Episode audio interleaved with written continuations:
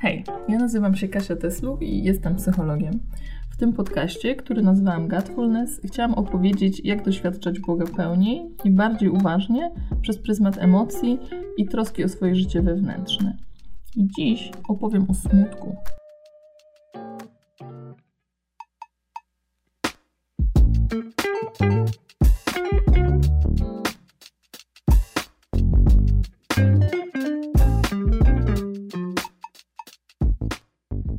Kiedy mamy chore gardło, to boli. Kiedy wejdzie nam drzazga, boli. Kiedy złamiemy nogę, to naprawdę boli. I, I ten ból nie jest czymś bezsensownym, jakimś efektem ubocznym procesów, które się dzieją w naszym organizmie. To jest sygnał, że mamy jakiś problem i trzeba się mu przyjrzeć. I właśnie smutek y, jest takim psychicznym ekwiwalentem tego fizycznego bólu. To nie jest przyjemne uczucie. Czujemy go, kiedy nasz związek się kończy, kiedy nasi rodzice nas nie wspierają, kiedy okoliczności nam nie sprzyjają. I pojawia się za każdym razem, y, gdy doświadczamy jakiejś straty, końca relacji, zranionej dumy, braku nadziei, braku czasu. I tak jak w przypadku bólu fizycznego, smutek jest sygnałem, że coś wymaga uwagi, ochrony i leczenia. Y, a straty każdy z nas doświadczył albo doświadczy i to różnych. Czasami takich oczywistych jak utrata ukochanej osoby, małżeństwa, zdrowia fizycznego albo pracy. Czasami trudniej ją wskazać, jak na przykład zdanie sobie sprawy, że nasza przyjaźń nigdy nie będzie taka, jak marzyliśmy, czyli taka strata marzenia, żałoba po idealnej przyjaźni. I często nie myślimy o smutku, jeśli strata nie jest taka oczywista. Po prostu czujemy wtedy jakiś emocjonalny ból ale na przestrzeni czasu te wszystkie drobne straty mogą stworzyć w nas takie głębokie poczucie smutku, takie, którego przyczyny trudno nam uchwycić. Ale życie bez strat to nie, nie ma życia bez strat, I, i niektóre z nich są rozwojowe, co oznacza, że tracąc coś, jednocześnie coś innego zyskujemy, i one nie wymagają przeżywania żałoby. Na przykład nastolatkowie przestają być traktowani jak dzieci, no i tracą z tego powodu pewne przywileje, no ale za to zyskują większą autonomię i w większym stopniu mogą decydować sami o sobie. Ale te wszystkie rzeczy, które tracimy w różnych momentach życia, y, wzbogacają nas między innymi o świadomość, no, że życie nie jest bajką i że nie wszystko od nas zależy. Bo osoby, które tych ćwiczeń z utraty nie przerobiły, tylko żyły iluzją, że zawsze będzie świetnie, że będą odnosiły tylko sukcesy, że nigdy nie poczują bezsilności, no one bardzo boleśnie przeżywają taką konfrontację z rzeczywistością. Y, I czasem mogą utknąć w tym swoim rozgoryczeniu i smutku, i są wtedy pełni żalu, albo przeciwnie, wycofują się z życia. I smutek mm, jest takim stanem afektywnym dość słabo rozpoznanym przez psychologów, bo wiele badań prowadzi się nad depresją kliniczną, nad depresyjnością, czyli taką osobowością skłonną do reagowania smutkiem, nad nastrojami negatywnymi. A badań nad smutnym nastrojem jest raczej mało. I być może dlatego, że w ogólnym przeświadczeniu smutek nie mobilizuje do, do działania, nie jest przyjemny, nie poprawia wydajności pracy, nie podnosi zadowolenia z życia nie zwiększa szansy na sukces życiowy. Chociaż na przykład dr Andrzej Rynkiewicz mówi, że smutek ma dwa oblicza. Jako emocja często bywa nieprzyjemna i uciążliwa, no ale na takim poziomie poznawczo-motywacyjnym staje się niekiedy na przykład impulsem do wytrwałej i skrupulatnej pracy.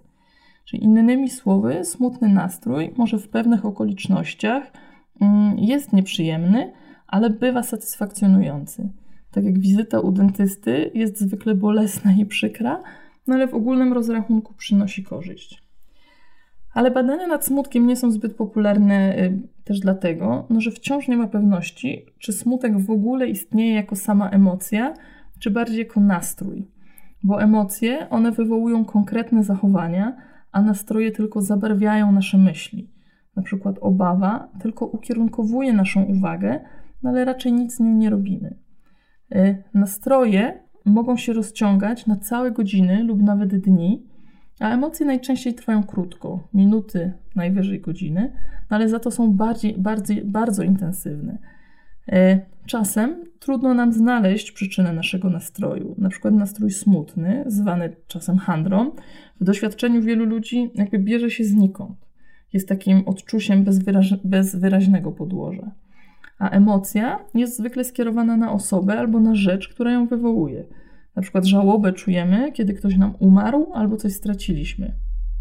Oczywiście żałoba powoduje y, rozlanie też tego smutku na inne obszary rzeczywistości, no ale czujemy ją z konkretnego powodu. No okej, okay, a jaka jest wartość smutku? I psycholog Marta Niedźwiecka mówi, że, że smutek y, nas kontaktuje z nieuchronnością egzystencji, że ludzie umierają, że rzeczy się kończą, że miłość może wygasnąć. I smutek jest o przemijaniu, o kondycji człowieka, o limitach, jakie ma. Smutek nie jest doświadczany jako jednoznacznie negatywna emocja, że początkowo może tak, no ale później to taki rodzaj uwolnienia, bo wiemy, że coś odeszło na dobre, no ale z tym nie walczymy i to już nas nie szarpie. I to jest ta funkcja regulacyjna smutku. Mm, poza tym smutek nas izoluje od wydarzeń i od otoczenia, bo skoro coś właśnie straciliśmy albo się mierzymy z jakimś brakiem, to potrzebujemy energii psychicznej i skupienia, żeby sobie poradzić z tym, to, co odczuwamy. Więc jeśli w takim czasie ktoś Wam zaproponuje jako remedium na smutki wyjście na miasto i rozerwanie się, no to warto jednak odmówić, bo potrzebujecie ciszy i spokoju, żeby się zmierzyć z tym, co odchodzi albo czego brak. I nawet jeśli będziecie walczyć i się wysilać na te wszystkie aktywizujące rzeczy, no to wasze ciało i psychika upomną się o tą przestrzeń dla siebie. Można też wypierać, ale smutek nie zniknie. I smutek sam w sobie nie jest zagrażający, ale spod, smu spod smutku, yy, ale jeśli spod smutku wyskakują nam groźniejsze rzeczy, na przykład głęboka rozpacz, yy, no to tak, to jest już wskazanie na terapię. I jeśli jakieś trudne doświadczenia, na przykład rozstania, jakieś doświadczenia z dzieciństwa, nie zostały w pełni przeżyte i zintegrowane, czyli włączone do tego doświadczenia człowieka, no to nadchodzący smutek będzie zapowiedzią przeżywania rozpaczy. Y, I takie osoby będą blokowały doświadczenie smutku. I oczywiście osoba z odciętym smutkiem będzie miała fundamentalne trudności z doświadczaniem radości, y, bo już wiecie, że jak się odcinamy, to się odcinamy na całego. I osoby odcinające się od smutku będą miały większy problem z przeżywaniem poczucia bezpieczeństwa i zaufania i z taką spontaniczną radością odczuwaną jako lekkość. Bo smutek jest konieczny dla zrównoważonego i, i pełnego życia psychicznego. I okej, okay. a Biblia? Nie wiem, czy wiecie, ale dwie trzecie psalmów dotyczy bólu i cierpienia i, i, i tego, jak między innymi Dawid próbował sobie to wszystko poukładać. E, no i o smutku chciałam opowiedzieć w kontekście Psalmu 22, który pewnie e, no, każdy z nas trochę zna, bo tam jest ten werset, którego Jezus użył umierając na krzyżu. Boże mój Boże, dlaczego mnie opuściłeś? I Tim Maki, pastor z Portland, w swoim kazaniu o przeżywaniu bólu y, przez psalmy, wskazuje, jakby, że wielu z nas żyje trochę w pewnej sprzeczności. Bo z jednej strony wierzymy, że Bóg jest dobry, że stworzył świat, że się o nas troszczy, że nam pomaga, no a z drugiej każdy z nas doświadczył no albo doświadczy w życiu bólu i to często ogromnego.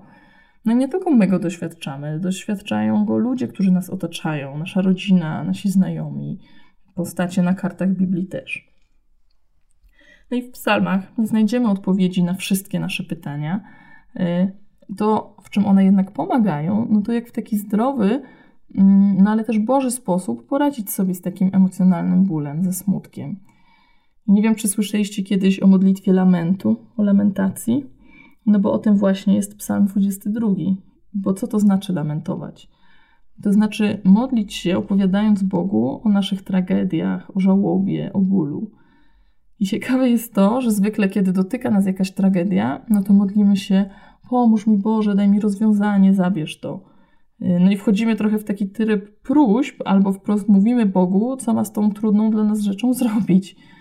No i w Psalmie 22 też są prośby, no ale jest ich niewielka ilość. Założenie tego psalmu jest takie, że Bóg wie, co ma robić. I ten psalm mówi o tym, co się z Dawidem dzieje i jak on się z tym czuje. Mówi na przykład: Rozlałem się jak woda, moje serce jak wosk roztopiło się w moim wnętrzu, opuściły mnie siły, i tak. I to jest natura biblijnego lamentu, bo Bóg chce wiedzieć, jak procesujemy sobie nasz ból i cierpienie, nasz smutek. E, my jednak często nie wiemy, jak lamentować. mm, nie potrafimy tych wewnętrznych stanów nazwać. Chcemy po prostu, żeby zniknęło, minęło. I lamentacja y, jest też modlitwą dla każdego, kto ma wrażenie, że Bóg go porzucił, że o nim zapomniał. I, I to, co robi w tym psalmie Dawid, no to on przypomina sobie i Bogu, no jak Bóg był obecny w jego życiu w przeszłości. Mówi: Tobie ufali nasi ojcowie, ufali i ich wybawiłeś. Ty ich ratowałeś, nie spotkał ich wstyd. I cała ta modlitwa lamentu to nie jest terapia, ale to jest zaproszenie Boga, żeby przetrawić, przemyśleć, przeprocesować to, co nam się przytrafia. I Psalm 22 jest o tym, jak mówić Bogu, co jest dla nas trudne. Ale konieczne jest nazwanie tego. Koniecznym jest bycie uczciwym samemu przed sobą i wylanie tego, co jest w naszym sercu, a nie próba zagłuszenia i powtarzania sobie sto razy: dam radę, wytrzymam jeszcze trochę. No bo są rzeczy, których choćby nie wiem co, nie zmienimy.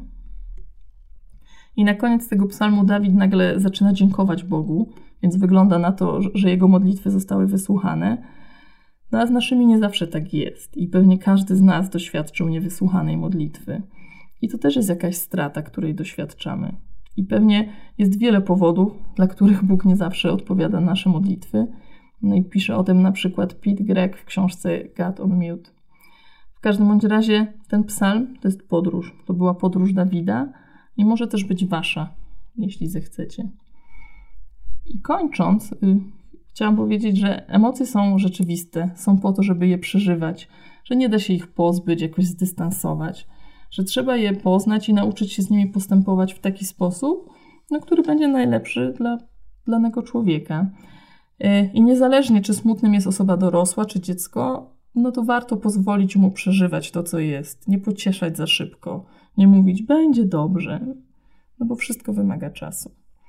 A co do takiego smutku z perspektywy klinicznej, to, to, jest, y, to on jest jednym z ważniejszych symptomów niektórych zaburzeń i prawdopodobnie dlatego może wywoływać niepokój y, albo być kojarzony z depresją.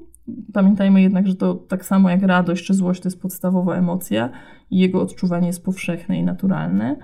No ale jeśli jest tak, że smutek trwa już dłuższy czas, y, a dodatkowo towarzyszą mu jakieś inne objawy, na przykład zmiany rytmu snu albo zaburzenia apetytu, no to warto skonsultować się ze specjalistą.